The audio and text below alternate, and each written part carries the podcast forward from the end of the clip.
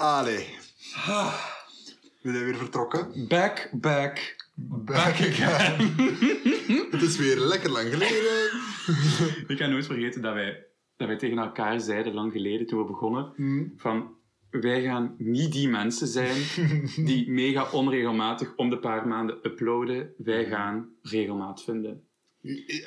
Delusion. Delusion, letterlijk. Ja, delusions of grandeur. Delusions of render. Ja. But what matters most is that we're back. ja, toch een beetje. Ja, niet volledig. Toch? Ja. I'm here. Oh my god, maar is dit de eerste podcast die we opnemen in het nieuwe appartement? Oh my god, stem. Is it? Jawel, I think Oh my so. god, it is. Ah, ah, hopelijk kunnen jullie het horen hoe mooi het hier is. Hoe roomy. Ik ga mijn microfoon door de ruimte bewegen, zodat jullie kunnen horen wat er allemaal is. Horen jullie hoe de meubels niet allemaal in één ruimte staan? Stop. ik heb nu drie ruimtes in plaats van één. Zo, dat is luxury. En Mega. ik heb daglicht in mijn badkamer. En dat is... Maar dat is, on- dat is echt ontzettend luxury. Dat is amazing. Er zijn echt meer appartementen die geen daglicht hebben in de badkamer dan, dan wel. Dus, eh Suck on it, bitch. oef. Dus- And I will. En, oh, as, And I will. as you will, girl. Ja. Vandaag is wel een speciale aflevering. Want ehm, we, we gaan hier eigenlijk niet... Ja, we zitten hier nu wel alleen, maar de aflevering is niet met ons alleen. We zijn hier om iets in te leiden. Ja, klopt. Want eh, wat je zo meteen gaat horen, is de weerslag van een panelgesprek dat Madonna en ik eh, een paar weken geleden hebben gedaan voor Dwaalzin in Broei.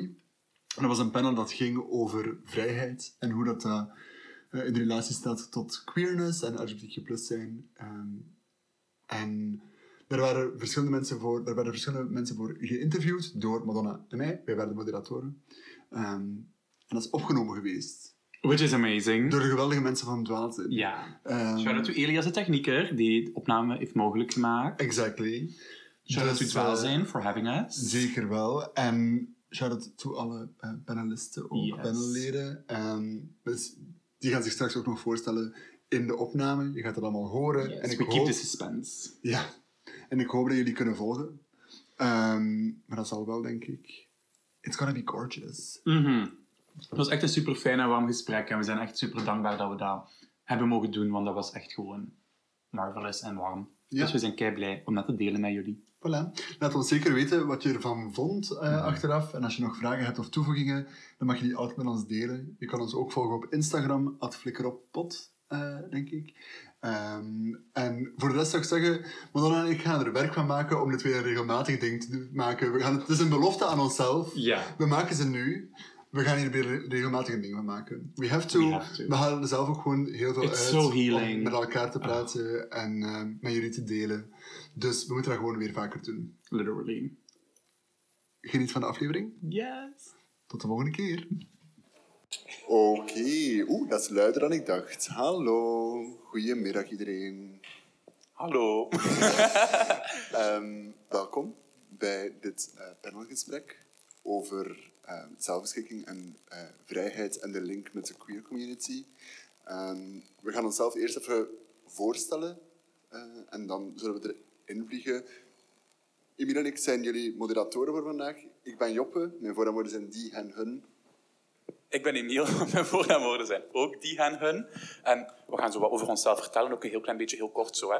Eh, ik ben een masterstudent drama en ehm, voilà, dat is super interessant. En, eh, en wij hebben samen een podcast en die heet Flikker op. En dat, eh, we zijn dus ook vanavond de micro's aan het opnemen en we gaan dit gesprek ook verknippen als podcast. Dus dat is mega spannend.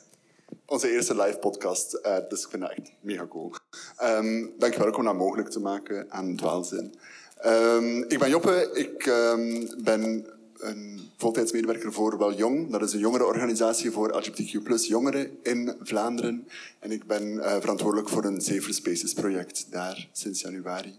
Ehm, dus dat is heel kort wat ik nog doe. En dan stel ik voor dat we naar onze heel ge- geëerde gasten gaan. Ja, dus gewoon even misschien kort voorstellen wie dat je zijt, uw voornaamwoorden en zo vanuit welk perspectief of zo dat je hier vandaag zijt. Uh, hi everyone, uh, mijn naam is uh, well, drag Michael, in drag Buki Harana. Uh, my pronouns are they, them, she, her in drag. Uh, and I'm representing myself. Just drag. Gorgeous. Uh, hallo allemaal, ik ben Tur Verstraten. Uh, voor, zijn ook die en hun. Uh, ik ben sociaal werker, ook seksuologisch hulpverlener en psychotherapeut in opleiding. En ik zit hier een beetje met een taalbril, omdat ik ook de oprichter ben van het Groene Henderboekje, die werkt rond niet-binaire taal. Dankjewel. Hallo, uh, ik ben Melody, uh, zij haar. En uh, ik ben ook sociaal werker, antropologe. En ik heb dus Ask for Consent opgericht.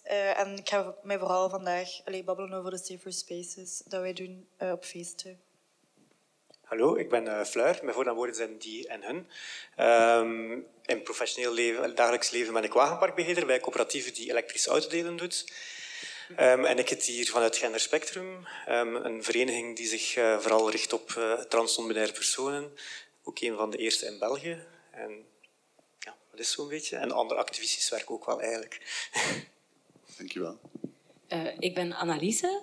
Um, mijn voornaamwoorden zijn zij, haar en die, hun. Uh, ik ben van opleiding filosoof en psycholoog. Vorig jaar afgestudeerd. Uh, dan heb ik een jaar als begeleider in Roeselaar gewerkt. En nu ben ik uh, sinds 1 oktober uh, blij werkzoekende. Neem ik iets meer rust, omdat ik uh, ja, een persoon ben die van alles tegelijk doet soms. Zo heb ik dus ook een deel van de master in gender en diversiteit gedaan. En in het kader daarvan had ik eigenlijk een onderzoek gedaan naar drag. Um, en had ik vorig jaar de eerste editie van What the Drag georganiseerd. Dus het is van daaruit dat ik hier nu zit super veelbelovend panel, dat is duidelijk, met heel veel verschillende perspectieven en invalshoeken. Um, de eerste vraag die we eigenlijk willen stellen aan jullie is omdat het idee van zelfbeschikking of vrijheid of autonomie, voor sommige mensen is dat abstract of moeilijk te kaderen. Dus willen wij gewoon een keer horen, wat betekenen die woorden uh, voor jullie? En we kunnen misschien beginnen nu in de tegengestelde richting een keer. En dan gaan we het helemaal opschudden en dan gaan we proberen om gewoon echt een uh, los gesprek of zo met z'n allen te hebben over wat dat jullie vertellen. Uh, ja, een heel moeilijke vraag om aan een filosoof te stellen. um, ja, wat is vrijheid? Wat is zelfbeschikking? Uh, zeker in een wereld als de onze, waarin vrijheid uh, gepromoot wordt en uh, ja, eigenlijk een beetje de imperatief is van oké, um, wees uzelf, vind uzelf en wees de beste versie van uzelf. Ja, Vrijheid uh, heeft al veel verschillende zaken betekend voor mij. Maar op dit moment, uh, voor mij betekent vrijheid eigenlijk um, de vrijheid om te kunnen zijn wie je zelf zegt dat je bent, wie dat je wilt zijn. Um, ja, vooral dat eigenlijk. En dat is echt al een hele grote uitdaging in deze maatschappij, denk ik. Ja, zeker. Claire? Ja, een moeilijke vraag, of eigenlijk ook weer niet. Um, wat is, ja, vrijheid, zelfbeschikking is echt um, ten volle voor jezelf kiezen. Voor uw vrijheid kiezen van expressie, van wat dan ook. Um, ik ben nu nog maar vier of vijf jaar uitgekomen voor wie ik ben. En daarvoor, ja, nu, nu ervaar ik ook effectief wat het is om vrij te zijn, ook al is het niet eenvoudig. Om elke dag op te komen voor jezelf en de contradictie ook al te voelen van, zoals jij zegt, van ja, deze maatschappij claimt van ja, iedereen moet zichzelf kunnen zijn, maar laat ook wel toe dat anderen zichzelf zijn.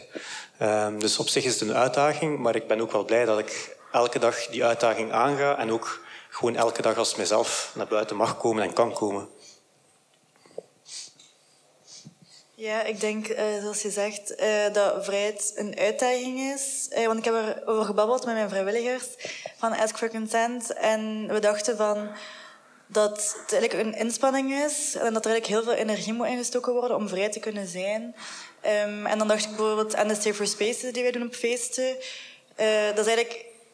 Allee, je mocht niet zomaar doen wat je wilt. Allee, vrijheid is ook regels in onze ogen en respect voor elkaar. En alleen maar dan is vrijheid mogelijk. Dus bijvoorbeeld een safer space, op een feest, niet iedereen is welkom. Mensen die discrimineren zijn niet welkom. Uh, mensen die consent niet respecteren of die racisme tonen, uh, zijn allemaal niet welkom. En dan neemt je ook zogezegd vrijheid af. Dus er zijn allee, regels nodig of zo om vrijheid te creëren voor mensen. Dus ik denk dat er gewoon heel veel werk ook in moet gestoken worden om dat te, te verkrijgen. Ja, ik heb het gevoel dat ik heel veel ga herhalen. Ehm, maar ik, de eerste, het eerste idee dat ik had toen ik, die, allez, toen ik moest nadenken over die vraag, was van, ah, oké, hoe kan ik vrijer zijn? Of, of, het was, ik was heel hard op mezelf aan het betrekken. Ehm, maar dan voelde ik ook wel van, ja, eigenlijk is het, is het ook wel iets heel maatschappelijk. En is ik in verhouding tot die maatschappij. En, en dan voel ik me eigenlijk niet zo vrij. En dan heb ik niet het gevoel dat ik zo zelfbeschikkend ben. En dan voel ik inderdaad dat ik heel vaak vastloop op, op grenzen van en dat ik er ook niet altijd de woorden voor heb om, om het te doen. Um, daarmee dat ik ook wel een beetje wil pleiten voor een niet weten en een zachtheid in de maatschappij. Um, ik denk dat we vaak het weten willen bestrijden met, met weten ook wel. Um, maar ik weet het ook niet allemaal zo goed in welke richting dat we het kunnen sturen. ja, dat was een beetje mijn idee er. Dank u.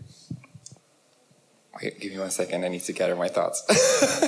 um, voor mij, als je zo direct spreekt over vrijheid en toestanden, dat, nou, zoals dat al gezegd, zeg, sorry, zoals ze al gezegd hadden, um, dat uh, ja, het is een moeilijke vraag, maar ook super makkelijk, omdat het is zo voor de hand liggend wat vrijheid zou moeten inhouden.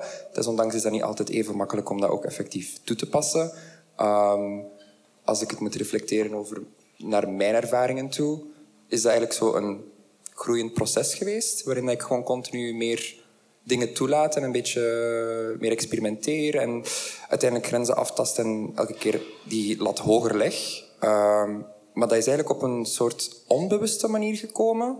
Dat ik eigenlijk op een bepaald punt in mijn leven op een soort in een roze bubbel leefde. En, en ik omring mij ook rond mensen die in hetzelfde traject zitten als mij. Dus je creëert sowieso die safe space. Maar dan, soms kom je dan in een situatie waarin je uit die roze bubbel komt en uit die safe space, waarop er dan reacties komen vanuit de buitenwereld. En dat, ik niet, brengt je zo terug naar een paar stappen terug en dan zet je er wel bewust mee bezig van oei, ben ik wel vrij, ben ik niet vrij, ben ik, ben ik veilig vooral? Het is denk ik vooral meer de samenhang van vrijheid en veiligheid dat vooral het, probleem is. Vrij zijn niet echt, maar het is gelinkt aan de veiligheid in die situatie. Um, ik ben nu bijvoorbeeld zelf twee maanden geleden ben ik aangevallen geweest op straat voor homofoob geweld. En los daarvan heeft mij dat in een positie gesteld van dat ik even twijfelde of dat ik nog zelf mijn eigen vrijheid zo publiekelijk naar buiten wil brengen. Maar desondanks dat heb ik nog altijd daarin doorgepusht, omdat ik zo geen nood aan had om terug mijn vrijheid te limiteren. Omdat die agressies zijn er altijd al geweest, zelfs al voordat ik mezelf probeerde te, aan te passen aan de maatschappij. En dan ben ik, heb ik liever dat mijn veiligheid... Wacht, ik kan even mijn woorden niet vinden. Can I switch to English sometimes? Because that's easier for me to express myself. Um, I feel like sometimes it's easier for me to uh, undergo all the oppression and stay authentically true to myself than to fake a version that's not me because the aggression is still going to be there. So then rather stay authentic to myself. Dus ja, sorry. Oké, goed, dankjewel. Ik denk, een spanningsveld dat we al horen is inderdaad zo die veiligheid, vrijheid, dat daar ja, wel een, een conversatie in zit. En ook het gegeven van individuele, individuele vrijheid en het idee van in een bubbel uh, vrij zijn tegenover dan de systemen waar we vaak in leven. Um, of de grotere werkingen waar we soms tegen moeten opboksen. Um, een vraag die we daarbij hadden was, als je naar die vrijheid wil streven, waar, wat zijn dan de plaatsen waar je op die grenzen van vrijheid botst? Waar ja, zeg je van, ah ja, oké, daar zie ik plots hoe onvrij we misschien nog zijn. Of bijvoorbeeld Poekie, zoals jij aanhaalt, van, er komt dan um, met geweld in aanraking. Dat is heel duidelijk zo'n ding. Ah ja, oké, daar, daar ligt mijn vrijheid en daar stopt dat. Uh, zijn er misschien nog zo'n momenten of plaatsen of zaken bij de, bij de andere panelleden die um, daar iets over kwijt kunnen willen? We gaan niemand echt aanduiden. Dat als je ja, ik denk, ik denk misschien aan een heel uh, ja, concreet voorbeeld van vandaag. Dank u, Poekie, ook om dat te delen trouwens. Het moet heel uh, confronterend geweest zijn, inderdaad. Um, maar ik denk nog een voorbeeld uh, waaraan je merkt dat ja, vrijheid ergens iets is van een soort privilege om in bepaalde um, op bepaalde plaatsen eigenlijk te kunnen delen met mensen. Tegenover, ja, ik weet niet, daar straks was ik dus op een studiedag voor uh, psychoanalyse en uh, ik raakte helemaal gefrustreerd op een bepaald punt waar het ging over iemand gaf een lezing en ze sprak ineens over de gender. En uh, dan dacht ik, oh nee, en mijn hart begon sneller te slaan. en ik was zo blij dat ik naar hier mocht komen eigenlijk. En daar gewoon weg kon gaan. Um, als ik er de tijd voor had gehad, dan was ik de conversatie wel aangegaan. Maar voor mij was het op dat punt wel heel duidelijk dat er eigenlijk niemand anders daar die eigenlijk de tijd had. Het problematische dat daarover gezegd werd eigenlijk aankaarten. En ik heb voor mezelf bepaald, oké, ik ga nu niks zeggen. Ik ga mijn tijd eh, investeren in, oké, tot rust komen en dan rustig naar broei gaan. Um, op een plek waar ik me wel uh, veilig en vrij genoeg voel om meteen ja, zaken aan te kaarten, zeg maar. Maar daar ja, wist ik, oké, ik moet hier in de strijd gaan om te verdedigen wat het eigenlijk betekent, of zo eerder dan de problematische invulling die er daar aan gegeven werd. Um, ja. Misschien nog zo'n voorbeeld. Uh, ja, ik voel ook wel dat ik dat wel herken, ook wel, want het vergt wel iedere keer opnieuw energie. Zeker, iedere keer, het is vaak opnieuw beginnen. Iedere keer dat ik in een nieuwe groep kom, ah, hallo, die en hun, dat betekent dit. Uh, ik verwacht dat je fouten maakt en je mag fouten maken, want dat wil zeggen dat je probeert, zodat ze zich al niet moeten verontschuldigen. Um, en, en meestal zeg ik ook erbij, meestal na een jaar zijn mensen ermee weg. Maar sommige situaties, ondanks had ik dan ook iemand die zei, dus we hebben een deadline van een jaar. En toen zei ik, ja, dat klopt. Um, maar soms zijn situaties waar dat, dat gewoon niet kan. En dat, allee, ik werk als sociaal werker. Vaak is Goeiedag er met de Verstraat, sociaal werker van uh, het centrum. Uh, ja, goeiedag meneer. En dan denk ik van, uh, en dan zeg ik, ah, goeiedag, het is geen meneer, maar voor, waarvoor ik bel, omdat ik, omdat ik de energie soms niet heb om dat gesprek aan te gaan. En ik denk dat daar soms ook wel over gaat. En als je dan zo'n zaken tegenkomt die, die verder zijn, is dat gewoon vrij lastig. Maar het is ook vaak die kleine dingen, of mensen die, die het eigenlijk wel proberen, of zo, die er wel moeite voor doen, daar is, is het vaak ook op vastlopen. Um, ja, dus, ja. Ik ben de vraag ik vergeten, maar... De vraag was um, waar je eigenlijk op de grenzen van vrijheid botst uh, als queer persoon in onze maatschappij. Ja, eigenlijk als queer persoon kom je eigenlijk, denk ik, en dat is toch mijn ervaring, al onmiddellijk bij het begin al tegen een beperking aan. Um, vorige week of twee weken geleden was het internationale coming out day of zo. En ja, coming out op zich vind ik al een zeer vreselijk woord. Al gewoon dat je moet een coming-out doen. Vanaf dat je voelt van, oei, ik pas in iets in de mainstream heteronormatieve samenleving, dan, ja, dan begin je al te botsen op zich. Um, bij mij heeft tot mijn 33 of 34 geduurd voordat ik überhaupt durf voor mijn gevoelens effectief ook uitkomen. Maar dan begint het echt pas, hè, van uh, coming out, wat is dat eigenlijk? Allee, dat, is, dat wat, wat coming out voor mij eigenlijk ook aanvoelt, is op een bank gaan zitten met je beste vrienden of met familie en dat je eigenlijk toestemming gaan vragen van, mag ik alsjeblieft anders zijn? En dan zit je eigenlijk bang te wachten van, ja, wat gaan die nu zeggen? Gaan die mij verstoten of gaan die mij toch accepteren zoals ik ben? En uiteindelijk wordt dan de beste versie van jezelf. Want nu, ik leef elke dag op de beste versie van mezelf, ondanks wat er ook gebeurt op straat of wat dan ook. Mag ik elke dag de beste versie van mezelf. Dus heb ik iets van, wat kan je daar nu op tegen hebben dat iemand gewoon de beste versie van zichzelf kan zijn? Ja. Dankjewel om te delen. Moeten we toch mensen aanduiden? Is dat makkelijker? We willen niemand verplichten om te praten, denk ik. Dus, dus vandaar dat we... Vind je dat fijner als we toch iemand aanduiden? Nee? Um, ja. Uh, um... Sorry, echt mijn ADHD soms is echt zo. Ik heb drie stemmen in mijn hoofd en dan is het zo van... Zwijg, ik moet even focussen op die ene. Um, ik denk ook op bepaalde vlakken van vrijheid is wanneer dat je dan effectief er mee naar buiten komt en zo, dat je, je geloofwaardigheid ook heel vaak wordt weggenomen in die zaken. Um, voor mijzelf was bijvoorbeeld, um, ik ben op mijn 14 uit de kast gekomen. Again, waarom moeten we uit de kast komen?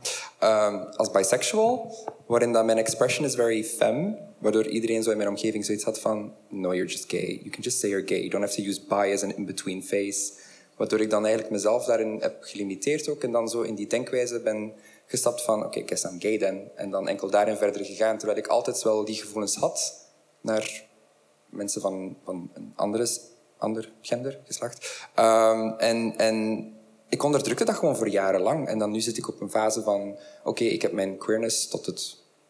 al meer uitgebreid op dat vlak. Maar dan seksueel gezien mezelf daarin onderdrukt.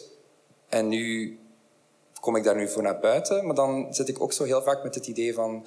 Oei, maar gaan mensen me niet gewoon perceiven als gay, net omdat ik net zo queer ben? Snap het is ook zo heel veel stereotyping, dat ook zo heel hard uw vrijheid limiteert in die, in die, op die vlakken. En dan ja, zoals Tur zei, het is heel vermoeiend om dan elke keer opnieuw diezelfde uitleg te moeten doen en dit en dat. En oh, ik heb er persoonlijk echt heel vaak gewoon geen zin in. Dus laat ik het zo gebeuren. Maar als we het zo laten gebeuren, gaat er ook geen verandering komen in de maatschappij. Dus het is zo een never-ending cycle.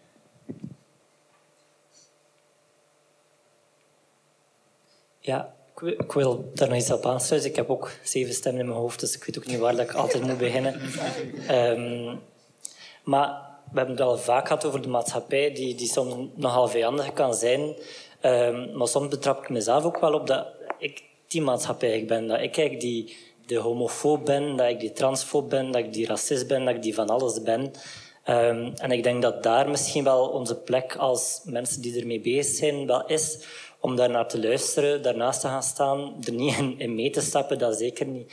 Um, maar ook wel te herkennen wat er daar misschien onder schuilt en dat als ingang te gebruiken om verder te gaan. Als ik dan even rond het Groene Henderboekje...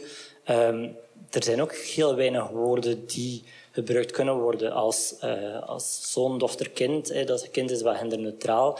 Maar voor ja, een oudere moeder bijvoorbeeld, wat kan zij die haar non-binair kind zeggen? Die, die ook zoon, dochter is of broer, zus. Uh, we hebben ook wel Sibbe, maar ik, ik heb er zelf ook op vastgelopen. Dus dan probeer ik, allee, ik wil dan het gesprek ook een beetje naar daar proberen laten gaan of zo, hoe dat wij er iets aan kunnen doen. Als ik dan hoor dat we met safe spaces bezig zijn, dan denk ik van oké, okay, dat dat klein, die vierkante meter waar dat wij gaan, gaan werken rond, rond veiligheid. En dat, dat die veiligheid en die joy, dat we in evenwicht brengen. Um, ik merk voor mezelf dat dat vaak allez, een moeilijke is om daarnaast te gaan staan nog altijd. Maar dat vaak wel een ingang is voor mezelf om dat wat in, in iets doen om te, om te buigen. En niet enkel in uh, ja, die emoties en, en die emoties al te moeten ervaren. Of. En mij helpt dat om ook op die manier ermee bezig te zijn. Ik hoor dat ook zeggen, te zijn. Uh, in de maatschappij wie dat ik ben, ik heb dat daar ook al gehoord, gewoon door te zijn, zijn we al superactivistisch bezig soms. En ik denk dat dat soms, ja, dat we daar al heel blij over mogen zijn, dat we dat kunnen volhouden en dat we dat gewoon doen en dat we er eigenlijk ook wel heel trots op mogen zijn.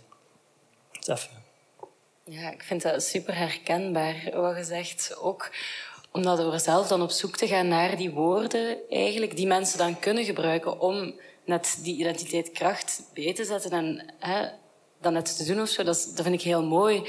En dat is net werk dat nog moet gebeuren. Dat bestaat nog niet op dit moment. Dus dat vlak, ja, we lopen wel tegen grenzen aan, maar het is net door die te zien en te herkennen dat we ja, ze eigenlijk kunnen verleggen of zo, hè, ermee verder kunnen gaan.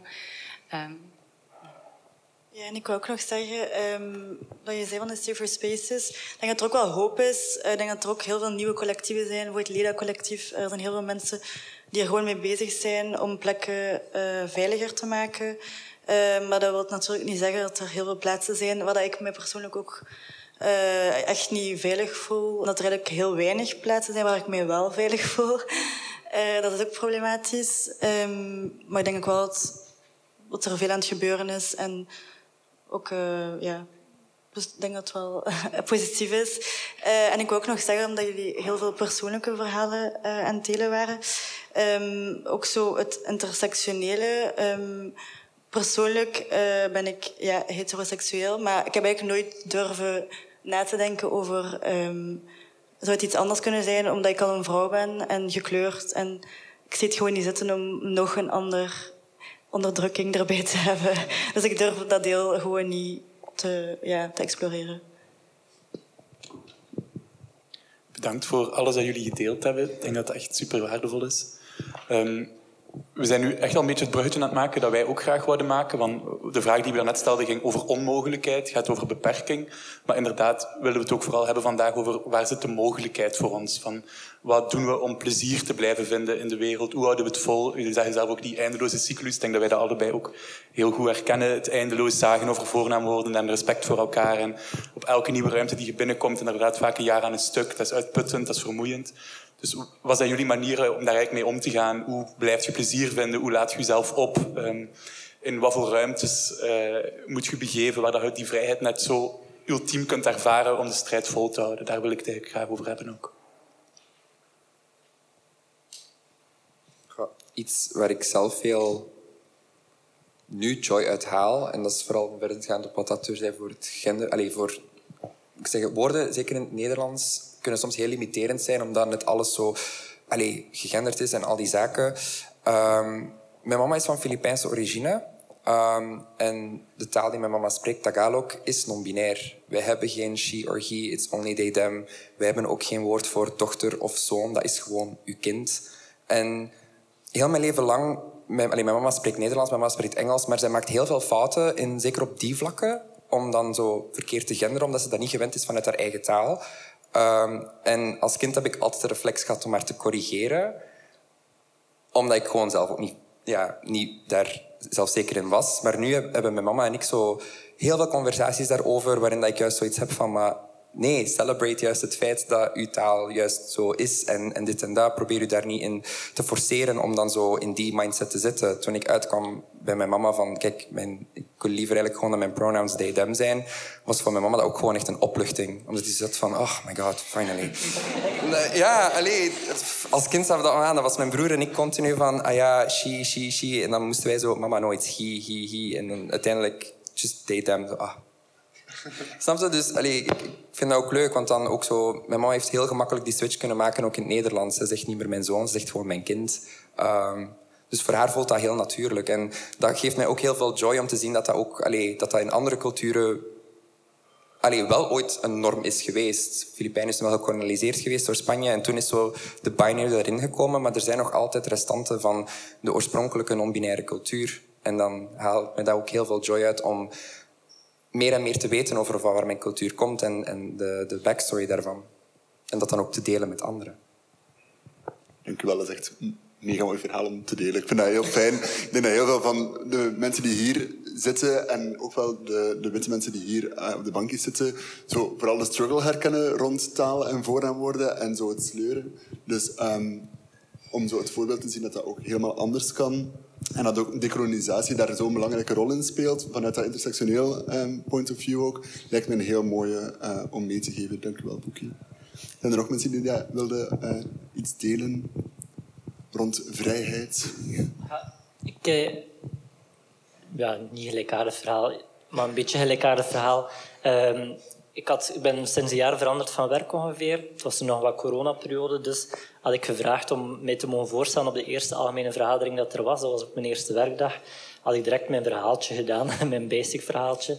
Uh, en had ik mijn voornaamwoorden met een voorbeeldje ook van die eet een appel, die zit daar, hun, hun bureau is daar, uh, getypt in de, in de chat. Nu, ik heb een onthaalmedewerker, uh, Nancy. Ik hou van Nancy. Nancy is in de vijfde, denk ik. En uh, ik passeerde een dag later aan Nancy's bureau. En Nancy's bureau is heel clean, maar er ging één blaadje op. En dat was uh, copy-paste van die chat, had hij dat afgedrukt. En had hij dat daar gehangen, zodat ze zeker niet zou missen. En ze mist oh nog vaak, maar ze doet zo hard haar best. Oh. En dan denk ik van, Nancy. Shout-out to Nancy. Dus, ja. Shout-out to Nancy. Ja, ik, uh, ik heb eh, deze zomer met vrijwilligers uh, op festivals gestaan. Paradise City Festival, met Ask for Consent. Um, en ja, eigenlijk was onze target uh, doelgroep vooral cis-mannen. En het is gelukt, dus ze waren super blij, want we hadden condooms. en dus dat trok nogal aan. Uh, maar, maar het is wel gelukt. Allee, ze moesten... know your audience. Ze moesten er wel uh, iets voor doen. Het is niet zomaar gratis condooms. Uh, dus we hebben eerst een hele uitleg gedaan van what is consent en een gesprek eh, aangegaan met hen daarover en de kenmerken meegegeven, zo de fries. Ehm, dus dat was echt hoopgevend eigenlijk. Ook dat er heel veel cis-mannen zijn gekomen naar onze stand en dat we echt heel veel ehm, mensen hebben kunnen bereiken op die manier. Uh, dus dat heeft echt wel hoop.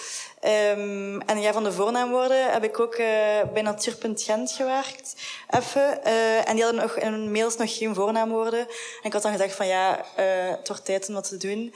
en dan had ik gewoon een mailtje gestuurd naar Natuurpunt. En dan was dat ook direct gewoon overal verspreid. En dat was gewoon één mailtje, maar dat brengt wel veel verandering. Dus dat is tof om zo vooruitgang te boeken.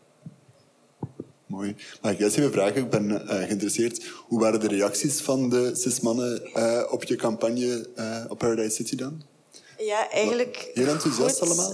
maar som, ja, sommigen begrijpen het niet. maar dat is, het is vooral, we staan daar vooral om zaadjes te planten. niet per se om mensen te overtuigen, want ik denk niet dat dat de manier is om iets te bereiken. Allee, niet op allee, dat vlak. Allee, we, denken, we geloven meer in zaadjes planten en de mensen gewoon prikkelen en iets meegeven. Dank u. Ja, um, een van de redenen ook waarom dat, um, ik uh, samen met, met, een paar andere mensen ook geen Spectrum heb opgelegd, uh, vier, vijf jaar geleden, is ook om de mensen gewoon een veilige haven te kunnen geven. Van een plaats ook waar je kunt experimenteren met je voornaamwoorden, met, dat je met je zorgen kunt komen, dat je tegen elkaar kunt babbelen. Van, wilt je ene keer als uh, die hun aangesproken worden, andere keer als zij haar, dat gewoon geen probleem is. Dat er ook geen probleem wordt van gemaakt. Van, dat we ook op een heel respectvolle manier gewoon mee omgaan. Um, en gewoon ook gewoon dat mensen gewoon een echt een rustpunt hebben. Zo één keer per maand dan die echt zo gewoon kunnen binnenkomen en ik kan echt gewoon 100% mezelf zijn zonder enig ja, compromis uiteindelijk te sluiten. Ja, het is een beetje parallel zo. Toen ik uh, had besloten om als uh, stage... Um, ik heb nooit mijn stageverslag ingediend. Om, uh, om wat te drag te organiseren. dat was ook vooral omdat ik merkte... Eigenlijk is er gewoon te weinig infrastructuur of zo. Om dan die plekken te hebben waar dat queer joy echt bestaat of zo. En was, allee, voor zover ik daar weet van had ja, gebeurde de meeste dragshows of zo dan echt vooral in het nachtleven, vooral s'nachts of zo. Vooral zo'n beetje, ja, ergens waar dat je echt al moest weten wat dat was voordat je daar terecht kwam. Dus ik dacht, oké, okay, maar wat de drag te organiseren, gaan we dat gewoon um, toegankelijker maken voor een breder publiek of zo. En gaan we dat ook op een plek brengen waar dat mensen daar, die daar niet ja, die daar op een ander moment niet echt mee in contact zouden komen, dat toch leren kennen of zo en daar op zijn minst al over beginnen na te denken. Um, ook niet per se om iedereen, uh, bijvoorbeeld zoals met Consent, te overtuigen van, ah ja, ook cis hetero mannen, van jullie moeten enkel de juiste worden en dat allemaal gebruiken. Ik, dat is natuurlijk wel zo. Maar om ze toch zo op een manier daar al mee contact te laten maken waarin dat er... Um, ja, toch ook een veilige ruimte is om vragen te stellen en zo. Al die zaken. En uh, ja, om dan zo nog eens terug te komen bij Queer Joy. Dus ik uh, geniet er enorm van dat er nu nog een editie is van What the Drag bijvoorbeeld. Um, en op dit moment, uh, ja, ik ben werkzoekende. Dus heb ik even veel ruimte en tijd, wat ik niet zo gewend ben. Maar dat is ook eens leuk. Um, en speel ik ook wel nog mee in een Theater Plus.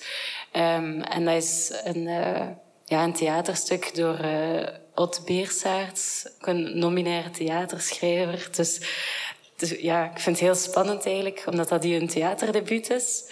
Um, en er zijn ook schoolvoorstellingen. En in, ja, het is echt zo'n heel high school queer coming of age story. Heel cliché, heel fijn. um, en ja, ik vind het fantastisch om daar dan in mee te kunnen spelen. Om dan dat ook al op de schoolbank een beetje toch bespreekbaar te maken. Dat is kei mooi, dank u. Um, ik denk wat dat daar een aspect waar ik graag op wil inzoomen is, hè, je hebt vorig jaar vanuit um, je uh, bachelorproef Masterproef? Dus, ja, of gewoon een, een proef? Master, master stage. Ja, masterstage, ja. Een, uh, een dragshow georganiseerd, die straks trouwens, de tweede editie, uh, gaat hier straks door. Wij zullen die ook hosten, uh, dus blijf zeker plakken. Um, maar ik wilde graag ook eens vragen, omdat uh, Poekie zit hier natuurlijk ook vanuit de... Um, ja, de inzicht dat drag heel veel vrijheid kan bieden, gok ik. dus ik wil graag aan jou ook eens vragen Um, hoe ervaar jij drag als deel van je genderexpressie, je genderidentiteit, um, als een, een, space waarin je ook kan ontdekken? Uh, ja. Ha, die vraag is mij al heel vaker gesteld van why, what does drag mean to you? Ehm, ik heb er gewoon nooit echt bewust bij stilgestaan. Maar dus ehm, outside of drag eh, ben ik uh, professioneel danser uh, en model. En ehm, ik heb op die met die twee dingen heb ik al, allez, zeker in de, in de artistieke wereld, heb ik al heel veel dingen kunnen bereiken en heel veel dingen kunnen doen. Um, maar op een bepaalde manier heeft mij dat ook een beetje kunnen moeten limiteren op bepaalde zaken. Zeker ook in de commerciële wereld is alles nog heel binair. Mannen zijn mannen, vrouwen zijn vrouwen. En daar zit zo niet echt een, uh, iets anders in. Dat begint nu wel wat te veranderen, maar heel vaak heb ik ook heel het gevoel dat het een beetje tokenism wordt. Uh, want op bepaalde projecten kom ik daar dan toe en dan I'm the only queer person, I'm the only person of color. En dan heb ik echt zoiets van, oké, great. Um, maar er zijn ook instanties die daar effectief bewust mee zijn en dat niet gewoon tokenism is. Um, waarin dat, toen ik, ja, ik doe nu een jaartje of zo, een jaar en een half nu drag.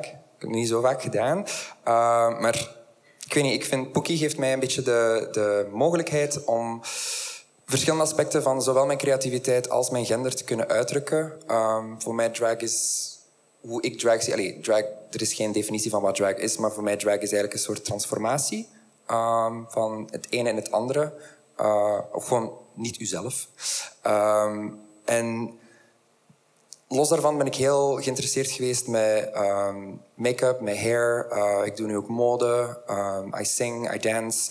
Snap je zo? Al die zaken. Maar dat zijn allemaal zaken die ik altijd apart moest doen. En dan uiteindelijk op bepaalde vlakken ook bepaalde zaken moeten laten vallen. Net omdat ik moet meer tijd steken in dit, waardoor ik geen tijd meer heb voor dit.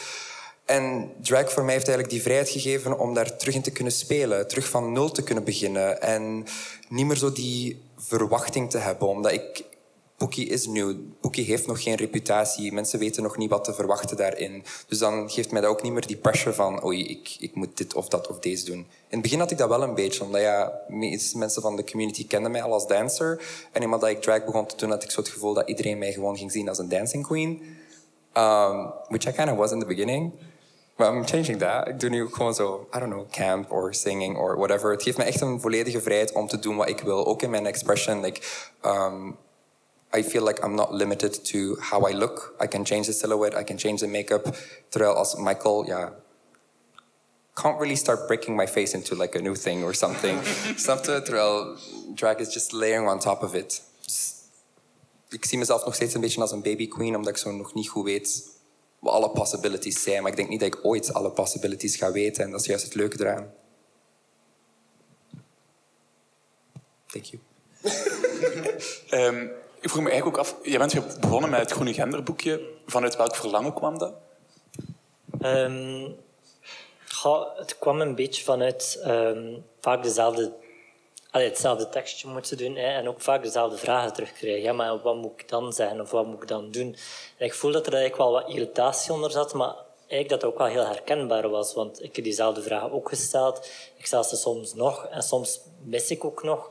Um, dus wou ik vanuit die hoek iets betekenen. Ik denk dat het een genderboekje is deels voor mensen die ja, genderqueer of non-binair zijn of niet-binair zijn. Maar ik is dat ook wel voor de bomma's en de bompas onder ons en uh, de ouders en de tantes en de onkels en, de, um, en alle woorden wat we nog niet hebben gevonden voor de mensen dat juist heb opgesomd.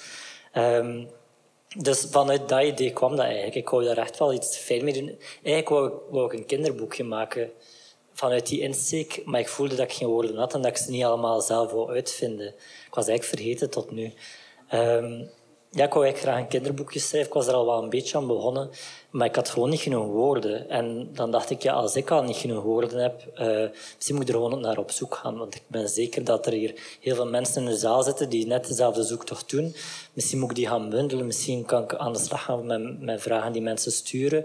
Uh, maar ook wel met, inzending van, ah, ik ben uh, ouder geworden en wij gebruiken Momo en Baba. Dan dacht ik van, wow, dat is fantastisch, ik wil ook Momo worden.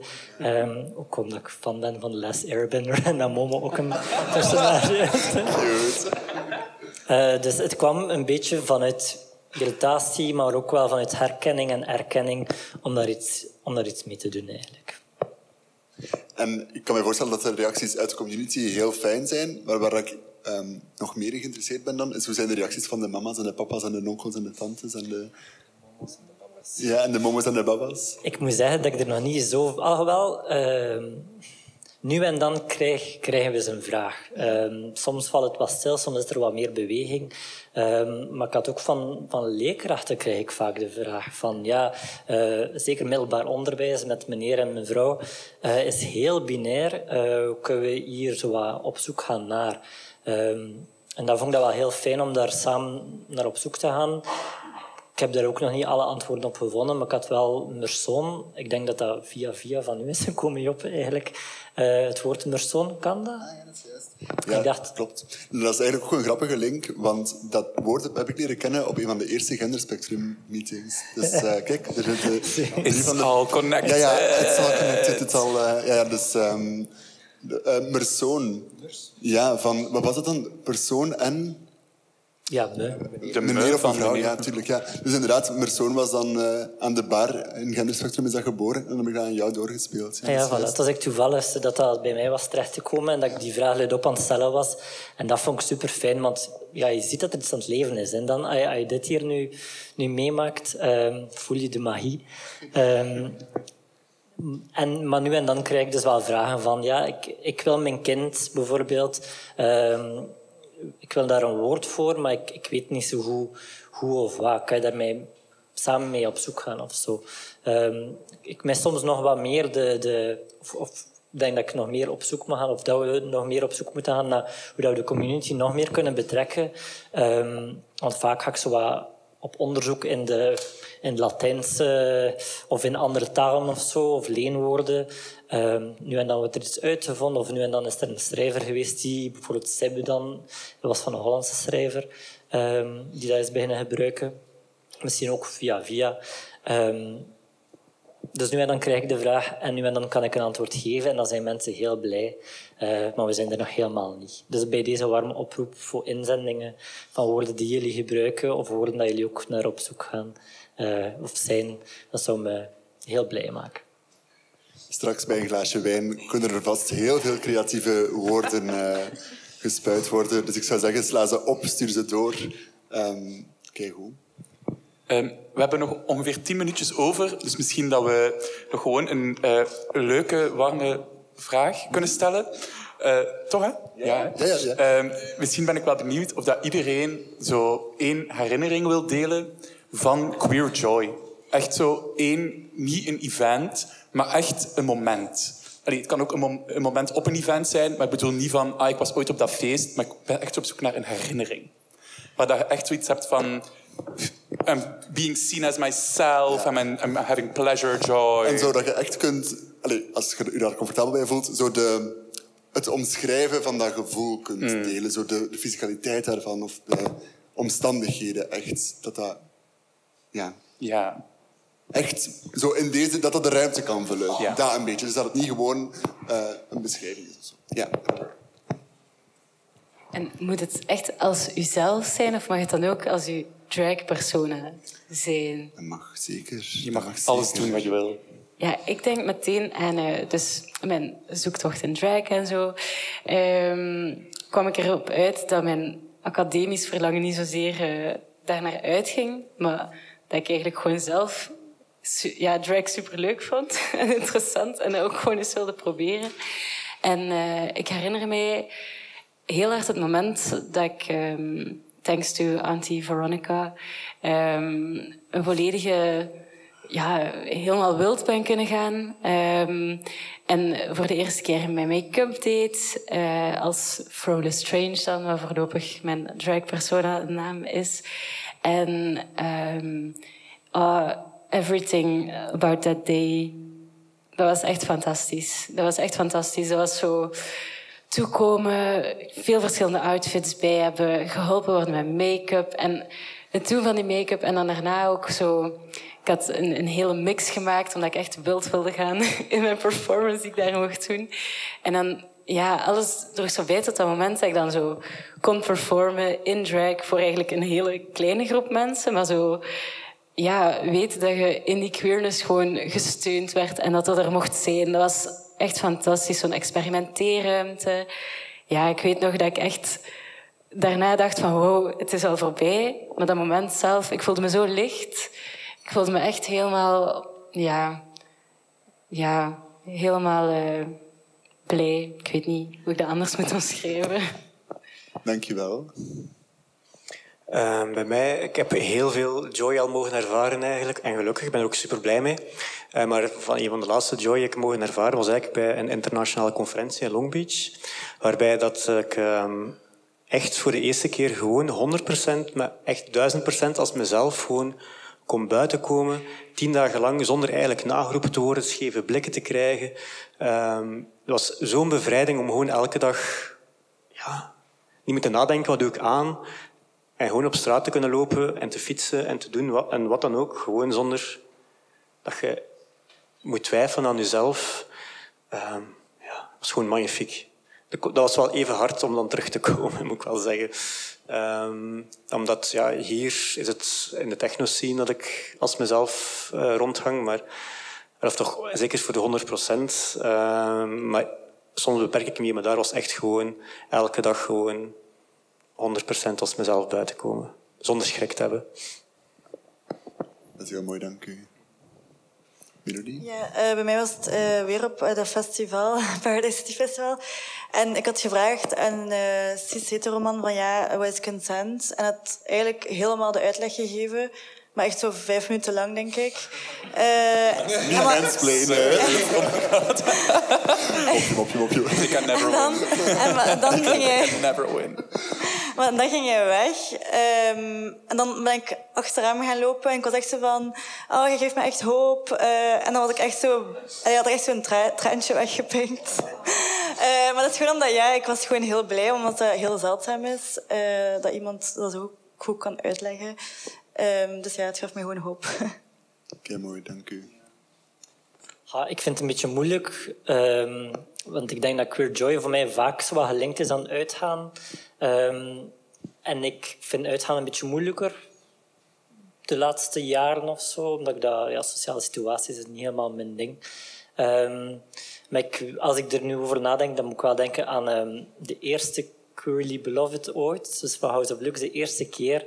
De, ja, heerlijk brakke show eigenlijk van, van vrienden die, uh, ja, die baby queens waren op en top. Uh, en die, ja, dat was puur plezier eigenlijk. Dat was de eerste keer ooit dat ik heb ervaren dat één kamer pure warmte kan uitstralen en pure liefde kan uitstralen. Dat was echt, um, ja, vond een heel speciaal moment eigenlijk. Dus uh, daar moet ik wel aan denken. Maar ik ben er eigenlijk nog wat meer naar op zoek, naar Queer Joy ja, ik wil er even op inpikken, omdat dat inderdaad een, een uitdaging is, denk ik, voor onze community om um, plekken te creëren zoals dit eigenlijk, overdag, die minder hard samenhangen met feesten en um, substance use en dat soort dingen. Waarbij dat we ook gewoon nuchter en overdag en in het daglicht um, die queer joy kunnen opzoeken. Dus ik denk dat dat misschien ook wel een mooi ding is om nog naar op zoek te gaan in de toekomst, samen of alleen. Volg dat heel hard. Dankjewel.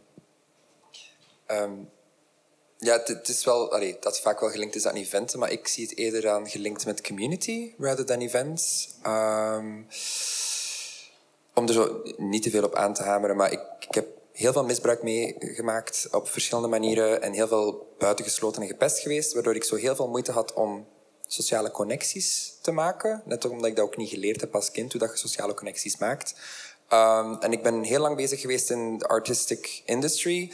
And for some reason, I was always the only queer person. It was just surrounded by cis, straight, white men and girls. Waardoor ik me meestal klikte met de girls en de men were like, no thank you. Um, maar desondanks dat heb ik step by step uh, mezelf steeds meer en meer beginnen uitdrukken, tegen de stroming ingaan, um, steeds opnieuw zo commentaar te krijgen van waarom heb je deze nu aan, waar heb je dat aan? En still not caring, gewoon zoiets hebben van I get joy out of this. En, maar zo het ultieme punt van echt zo de piek geweest van de queer joy was voor mij de eerste fetch. Dat was ook mijn allereerste queer event. Ik was nog nooit surrounded by so many other queer people. En ja, ik, ik, ik, wist, ik was gewoon, ik I was speechless. Ik wist niet hoe te reageren, hoe te doen bij mensen. Ik was zo in een completely new world waar ik totaal niet gewend was van om te gaan met mensen. Het was ook even een confrontatie met mij om connecties te leggen, conversaties aan te gaan, omdat ik gewoon continu vertrok vanuit een fight or flight ding. Omdat ik verwachtte dat er commentaar komen, but then were people were like, oh my god, love it. And I'm like, uh, how do you respond to a compliment? Echt zo, da. Maar zo, snap je, het was zo een hele combinatie van confusion, maar ook van joy. En, en sindsdien is het alleen maar zo upwards gegaan en zo. En, en finding community en stuff. Maar desondanks dat ben ik ook nog steeds van, I still want to stay outside of the community in my queer joy. Als in bijvoorbeeld op dance battles bijvoorbeeld. Wanneer het all styles is, heb je hiphoppers, housers. And I'm there to represent voguing, whacking, high heels. And even though I'm the only queer person, I'm still gonna be there and show my joy and spread my joy and have exposure to those people. Dat is kei mooi. Dat is geweldig. Merci allemaal om te delen. Dat zijn echt supermooie herinneringen. Dat is kei fijn om zo eh, dat in de ruimte te brengen. Emiel, Maar ik wil daar ben ook even aan jou. Oh my god! dat is niet waar! We hadden het niet voorbereid, maar Oh we gaan my dus nu ook de vraag aan elkaar stellen. Ehm maar het is ook al de hele tijd zo, ik ga straks... Echt waar. Ik, was echt, ik ga dat hier overpakken en dan ga ik aan Joppe vragen. Oh my god, ik haat u. Ik, Anyway. Altijd met Ja, u. bon. Ik- Wij, wij delen één één breincel. Stop! Stop. Ja, Oké. ehm, Jij eerst. Oké. Ehm, ik was heel aan het denken, want ik dacht van als ik dat nu ga vragen, ga ik me sowieso terugvragen, dus ik ben voorbereid. Ja, oké. Oeh. Ehm, mhm. Ik heb dat niet gedaan. Ehm, ik moest heel erg denken ook aan een moment op Fetch, waar dat wij met drie, ehm, Joppe, ik en Harry, een van onze beste vrienden, met een van mijn queer babies, ehm, helemaal van achter in de zaal, als het feest bijna gedaan was, en we heel dronken waren, eh, op GUI van Lady Gaga in een cirkel met z'n drieën hebben staan dansen op echt, ja, in ook veel ruimte aan het innemen toen. En dat is echt een moment dat mij altijd gaat bijblijven, denk ik, omdat ik mij zo vrij voelde en die ruimte is zo veilig en zo warm. En wat jij ook zei, denk ik, van de eerste keer dat je op een plek komt waar, dat de, waar dat bijna iedereen queer is, dat is echt zo'n gek gevoel. En dat, ik dat voelt echt zo als een schakel of zo. Van, hebt voor dat moment en je hebt na dat moment. Eh, of dat is voor, zo ervaar ik dat toch. En dat is, ja, dat is voor mij gewoon een super warme herinnering. Elke keer als dat nummer speelt, dan eh, sta ik daar terug. Dus dat is echt super fijn. Mooi. Ehm, ik zit zelf een beetje in dezelfde sfeer, maar het is, het is meer zo het, ehm, het onvoorbereide, waarbij dat je bijvoorbeeld naar, naar een café als Blond kan gaan en daar mensen tegenkomen die je kent of leert kennen. Ehm, want dat is ook wel iets dat ik ervaar, ehm, vaak, maar het mag nog vaker, dat queer spaces vaak wel heel open zijn en daar een welcoming van zo nieuwe mensen leren kennen. Ehm, niet altijd, en daar is zeker nog werk in, maar daar, daar leeft wel altijd iets. En dan als je zo'n avond hebt waarvan je dacht, oké, ik ga gewoon even rustig iets drinken en dan ga ik naar huis. En plots sta je om drie uur s'nachts um, zo in, in een rood licht mee te schreeuwen met weet ik veel welke muziek dat er wordt gespeeld. En je kijkt rond je en je beseft dat dit um, voor alle mensen die ook met hun armen aan het zwieren zijn en aan het dansen zijn, zo dezelfde, het, dezelfde catharsis is of zo. Of hetzelfde moment van zo, ah ja, hier neem ik ruimte in en wordt dat niet afgestraft, maar juist gevierd. En hier zijn we samen. En we kennen elkaar misschien niet allemaal, we komen misschien zelfs niet allemaal overeen, maar we zijn wel zo hier samen op dit moment.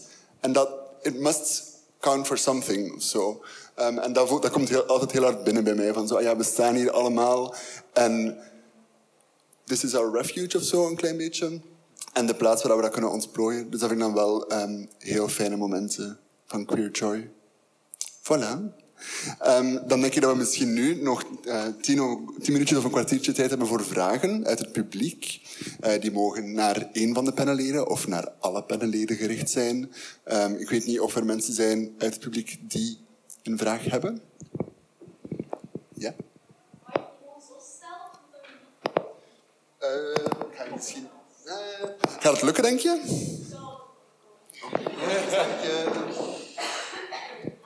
Um, dank jullie wel. Het was heel interessant trouwens. Fijn dat jullie het willen delen. Ik heb eigenlijk een vraag die gaat over zo um, scheve blikken krijgen en zo. Want als ik zo bijvoorbeeld jullie zie, ik vind jullie super mooi. En ik vind gewoon dat, zo de, dat, het, dat jullie zo kunst uitstralen ook. Met jullie, hoe dat jullie zo, jullie, ik weet niet, identificeren en wat jullie kiezen en zo. En als ik dan kijk, dan ben ik echt zo van, ik kijk zo naar jullie. Maar ik denk dan, um, dat is een blik van bewondering bijvoorbeeld. Um, is zo'n blik bijvoorbeeld soms ook annoying? Of is dat wel wat, wat, wat jullie willen daarmee? Ehm, want uiteindelijk perform je altijd een versie van jezelf. Ehm, ja, dat is mijn vraag. Dankjewel. Ik wil dat misschien eerst al kort... Mag eigenlijk niet, hè, als moderator. Nee, ik ga mijn mond houden. Ehm, We gaan misschien aanvullen ja, we gaan aanvullen. Heb je gelijk, heb je gelijk. Anders zetten we het toon. Sorry. Iemand die Eh, daar graag op eh, wil antwoorden? Ik, ehm, ik ervaar die blikken op, op twee verschillende manieren. Ik heb blikken waarvan dat ik zoiets heb van it's very appreciative en echt zoiets van een work. Of er is een blik van dat het zo bewondering is, maar tot een next level waarin dat ik me precies zo op een pedestal, allee, zo een beetje gedisassociate, als in je ziet me niet meer als een persoon, maar eerder echt als zo I'm, I'm here to entertain the crowd, I'm here as like dance for me monkey, in die sense. En desondanks dat het positief bedoeld is, soms voel ik mij zo daarin zo, moet ik zeggen, alsof dat zo opgelegd wordt en verwacht wordt van mij. En dan vind ik dat minder aangenaam. Als het gewoon zo simpel is van, uit, nice, work, chill. Maar ga niet zo, oh maar wauw, oh, oh maar je leven is toch zo zot, maar allee, oh. En, en dat is zo, tone it down a notch. Of zo de... Je bent echt beter in make-up dan ik. Zo, daar. Zo, ja, een beetje die... die Snap. Nog mensen die eh, willen aanvullen? Ja, ook herkenbaar of zo. Ik, ehm, ik vind ook, je hebt, zo, je hebt blikken van, huh, dat. En je hebt blikken van bewondering van, ah, mooi, leuk. Ehm, en dat is dan fijn als je dan ook een compliment krijgt, maar als iemand gewoon zo naar je kijkt, zo... En dan niks zegt en je gaat rustig verder, dan, dan, ja, dan voel ik me soms ook wel gewoon... Ja, am I a monkey in a zoo? Or are you, what are you looking at right now? Zo, dat. Maar ja, ik weet niet, bij mij heeft dat misschien ook wel voor een stuk iets te maken met eh, being a person of color of zo, dat ik dat dan ook wel zo gewoon opvat of zo. Ik weet dat niet. Maar eh, ja, it's double. Maar als je het zegt van het is bewondering, capaciteert, jullie zien er mooi uit. I love that. Het is zo vaak het gedoe van zo, als je een compliment wilt geven, zo nice, maar dan staan ze daar zo nog gewoon zo. En dan is het zo van, oké, what now? Like, thank you? En dan zo het niet snappen van zo, oké, this conversation has ended. That makes it a bit uncomfortable.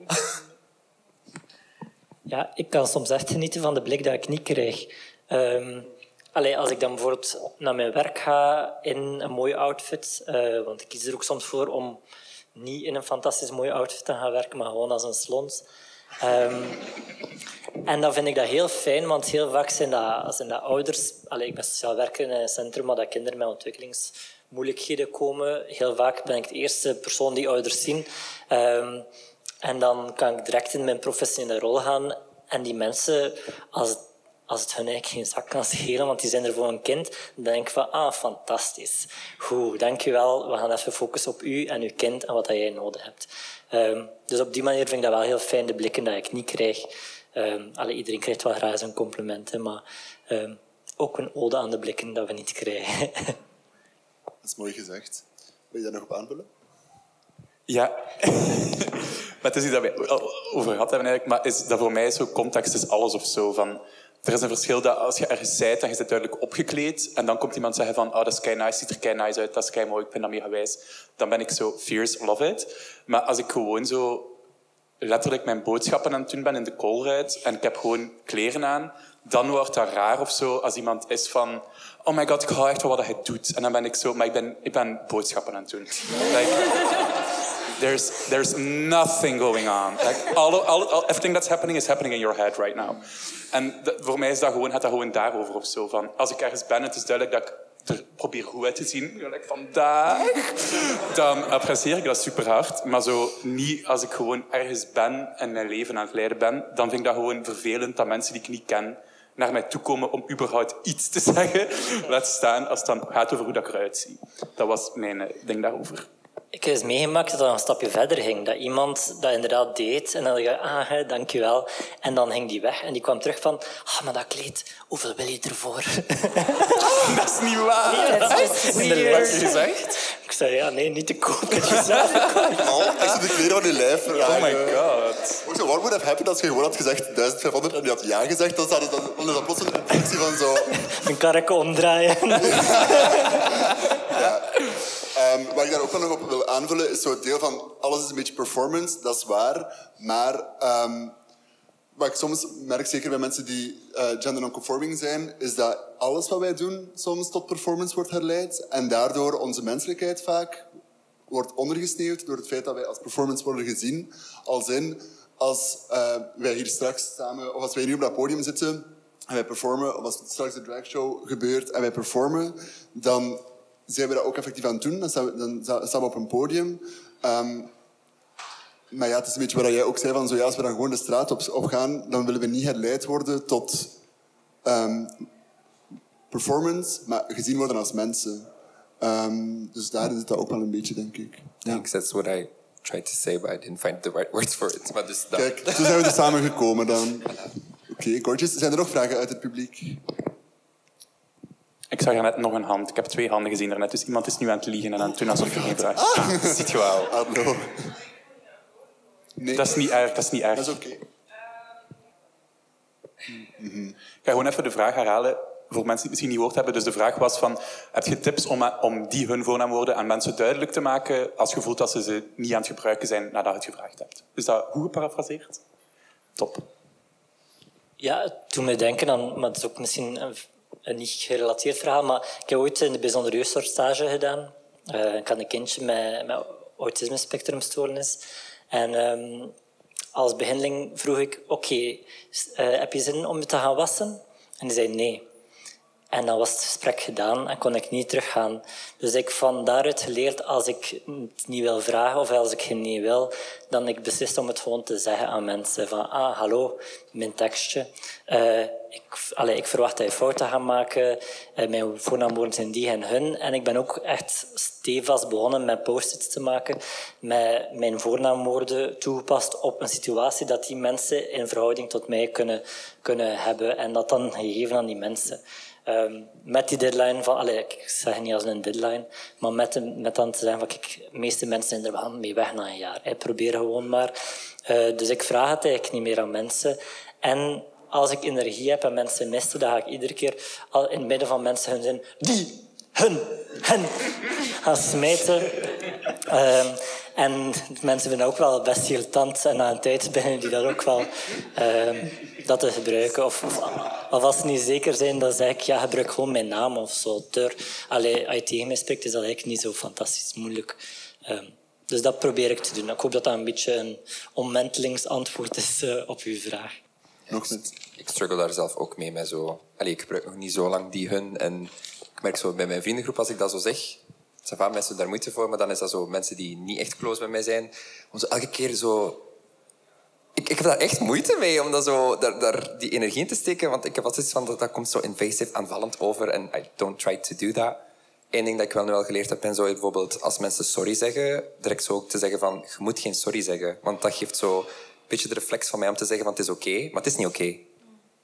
Dus, allee... Ben mijn woorden kwijt. Dat is. Okay. Ja. Dank wel voor de aanvulling. Ja, ik pees dat je ook wel op zoek mag gaan naar een vriendje of zo. Dat helpt ook wel. Ik al gemerkt dat iemand anders het voor u een beetje kan doen.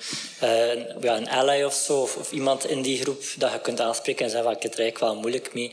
Kan je mij alsjeblieft helpen? Want ik heb niet altijd energie om het iedere keer te verbeteren. Kan je mensen er heel nu en dan eens op wijzen. En dat helpt dat ook wel een beetje... Um, en ik, vind dat, allee, ik ben er heel dankbaar voor, naar die vriendjes rondom mij, die dat wel doen voor mij. Uh, maar ik ga dat nog bewuster doen, nu dat ik erover nadenk. Dus dank je wel. Maar ik moet wel zeggen, allee, ik heb dat nu ook bijvoorbeeld met veel vrienden van mij die het dan in mijn plaats doen. Mm. Maar op een manier, ik weet niet, ik blijf mij zo ongemakkelijk voelen als mensen het in mijn plaats doen, alsof dat zo overkomt alsof ik de ballen niet heb om het zelf te doen. Allee, and, which is actually true, maar zo. maar ja, ik weet niet, ik heb daar een dubbel gevoel soms bij. Maar... Het is ook denk ik vaak ook de manier hoe dat ze het doen, maybe. Ja, dat kan wel helpen. Uh, maar het is ook wel een beetje hulp toelaten, denk ik soms. En ik denk dat dat soms een moeilijk is, omdat we vaak, vaak dingen alleen hebben moeten aanpakken en alleen hebben moeten doen. Uh, en het vraagt een beetje zachtheid, of ja, het is een beetje kwetsbaar ook om te vragen van wil je mij helpen daarmee. Maar het is inderdaad ook wel, uh, het helpt soms ook wel om wat pointers te geven over hoe dat mensen het wel en niet kunnen doen, want inderdaad. Zijn er nog vragen? Of, ik wou daar, sorry, ik kan nog één kleine tip geven. Is voor, ik voel als mensen dat moeilijk vinden of zo, dan zeg ik altijd dat ze, um, dat ze hun huisdier non-binair moeten maken. En dat is super. Allee, snap je, je kat doesn't care of zo, dat je daar die hun voor gebruikt. Maar dat is echt een makkelijke manier voor mensen om gewoon te oefenen de hele tijd van dat over een huisdier praten met die hun voornaamwoorden, dat is echt handig. Of praat over uw auto met die hun voornaamwoorden. Dat, allez, snap je? Begin gewoon dingen die hun voornaamwoorden te geven. Omdat, ja, ik snap dat. En dat ik de enige persoon ben in uw leven en je ziet mij één keer per maand. Natuurlijk ga je dat nooit lukken. Dus um, vind gewoon die dingen uit voor jezelf. En als je omgeving echt niet mee wilt, dan heb je echt recht op een nieuwe omgeving. En dan zien die mensen nu gewoon niet graag genoeg. En sorry, dat vind ik ervan. Hè. Ik vind echt van, als je jaren aan een stuk sleept aan mensen en die uh, zijn te tam om iets dat zo simpel sorry, is te leren voor u, dan denk ik van, um, it's time for some new friends. Dat is cru, maar dat is wel echt wat ik daarvan vind. Volg. Hillary, je hebt ook een vraagje? Hallo. Als je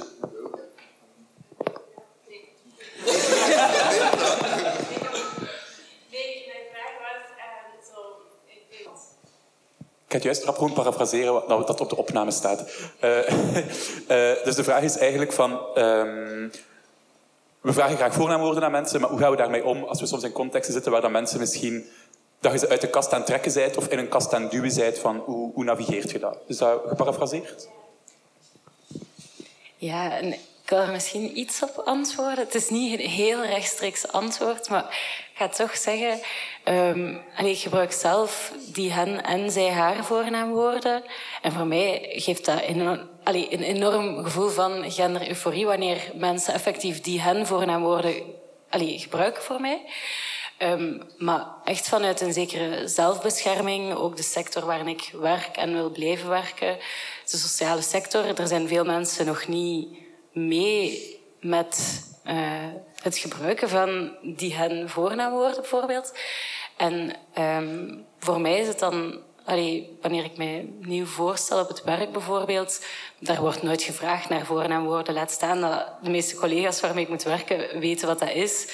Dus in zo'n context zet ik gewoon altijd in mijn e-mailhandtekening meteen eigenlijk mijn voornaamwoorden en dan ook een uh, hyperlink naar het belang van voornaamwoorden en hoe dat mensen daarop kunnen oefenen, zodat als er mensen zijn die wel die moeite willen doen en zo, uh, zij dat kunnen doen. Als ze daar dan vragen over hebben, dan kunnen zij dat aan mij stellen, maar dan ja, bescherm ik mezelf een beetje op die manier uh, van ja, daarmee te moeten omgaan.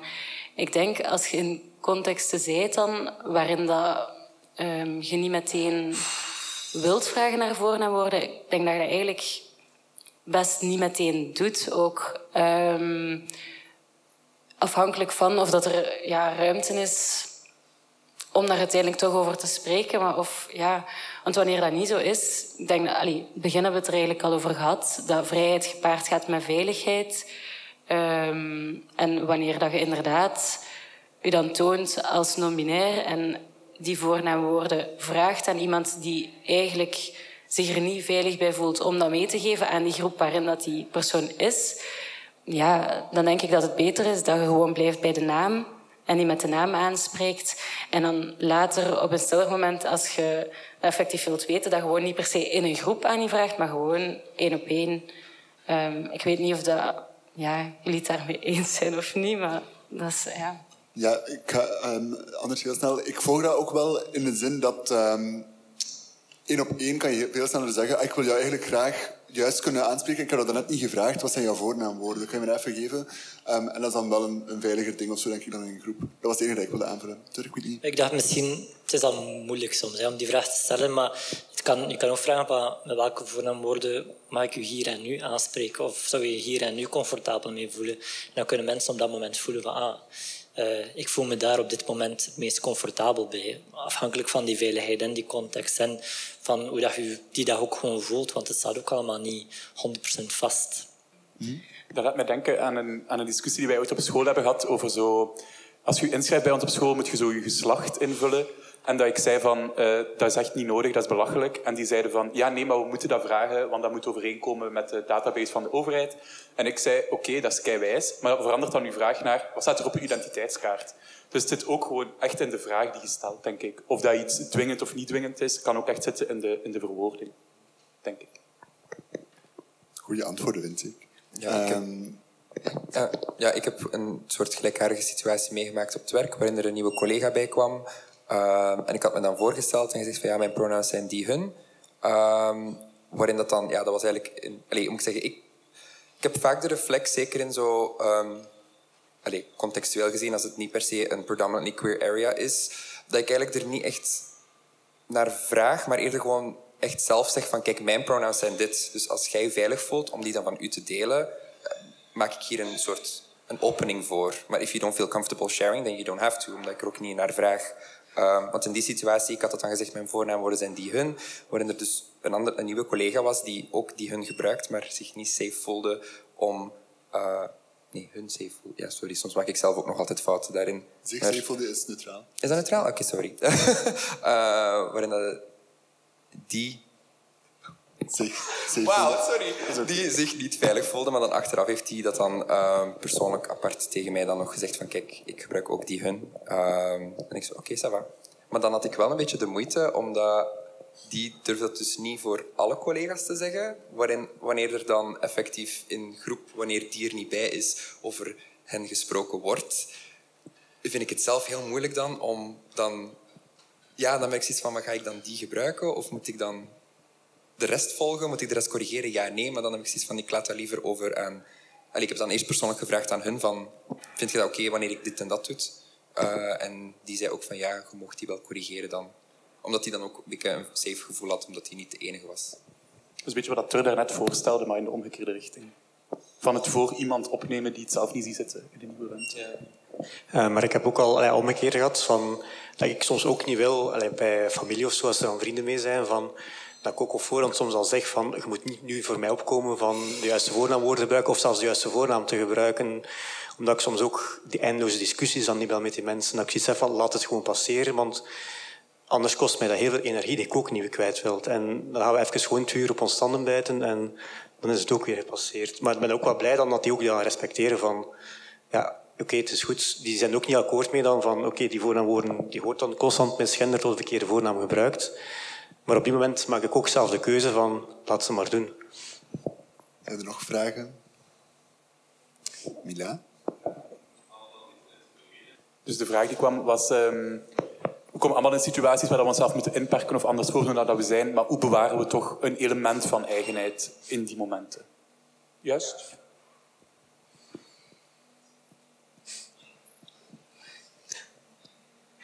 Very difficult question. Ja, Ja, dat is een hele, dat is een hele heftige vraag. Ik wil, er, wil erop antwoorden, maar ik moet erover nadenken.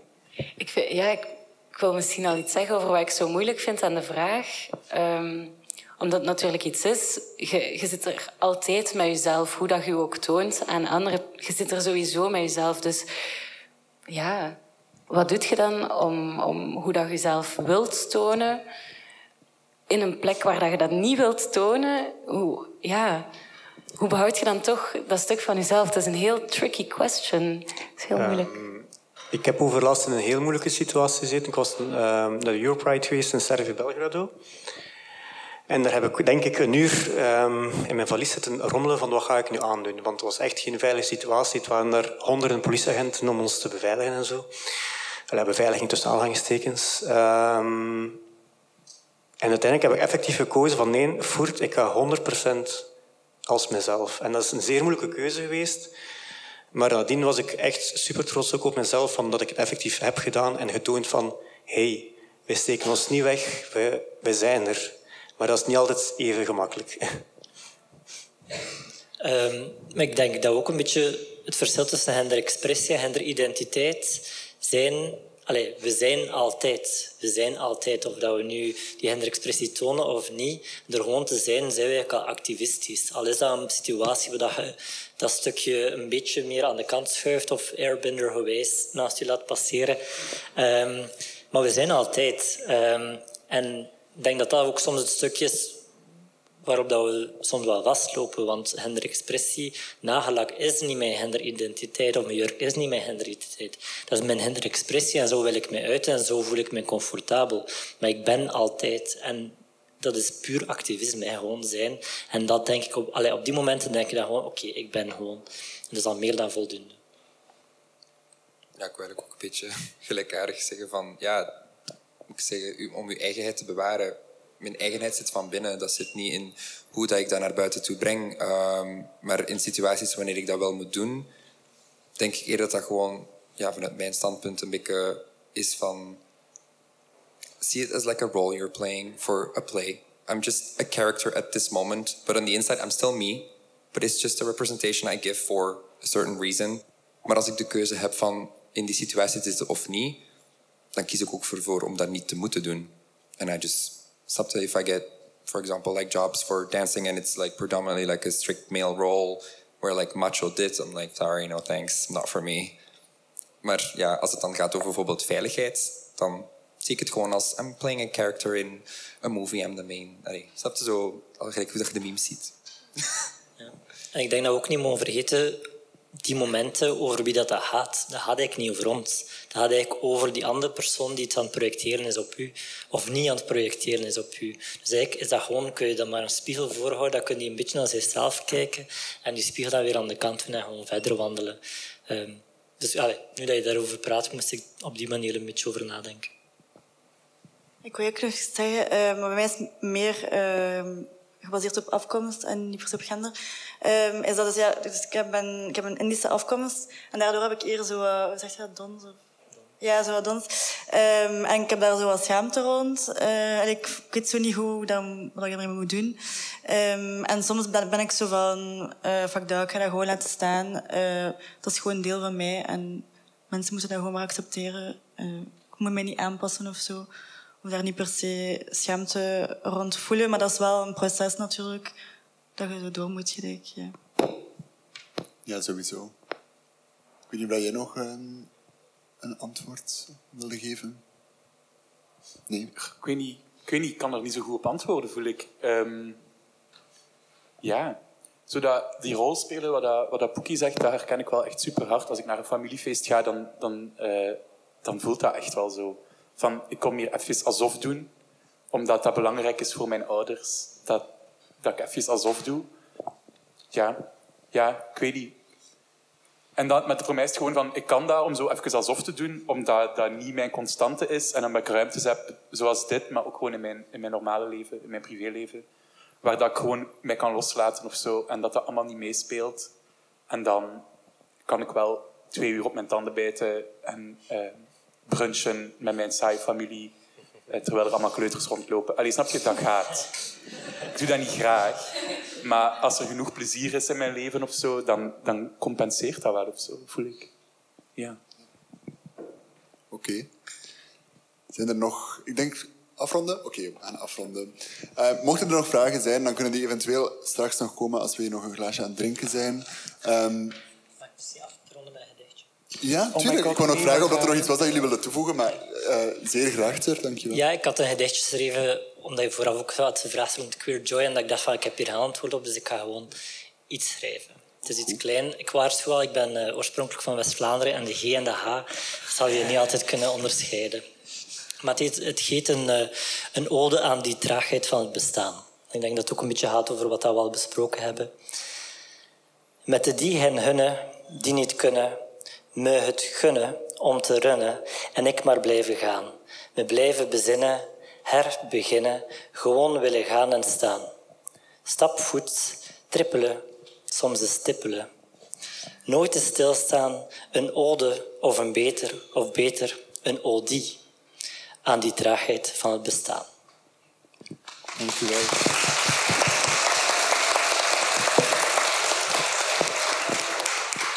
Ik denk dat wij enkel nog uh, onze panelleden kunnen bedanken nu om hier te zijn vandaag, om jullie ervaringen te delen. Ik vond het echt een super mooi, warm, fijn gesprek, uh, vol vertrouwen. Dus ik ben echt super blij dat jullie hier waren vandaag. Dan willen we natuurlijk ook Dwaalzin bedanken om dit te organiseren. Eh, we zijn echt super dankbaar dat we hier konden zijn, dat deze ruimte is ingericht, dat wij hier met jullie konden zijn en dit gesprek konden aangaan. Dus ook dank u aan Broei natuurlijk, deze ruimte waar dat we kunnen zijn. En aan Elias, de technieker, helemaal van achter. Merci om het technisch allemaal mogelijk te maken. Um, en Hugo moeten we ook bedanken. En, um, en jullie. En jullie om, om te, te luisteren en hier te zijn en naar ons te kijken en luisteren.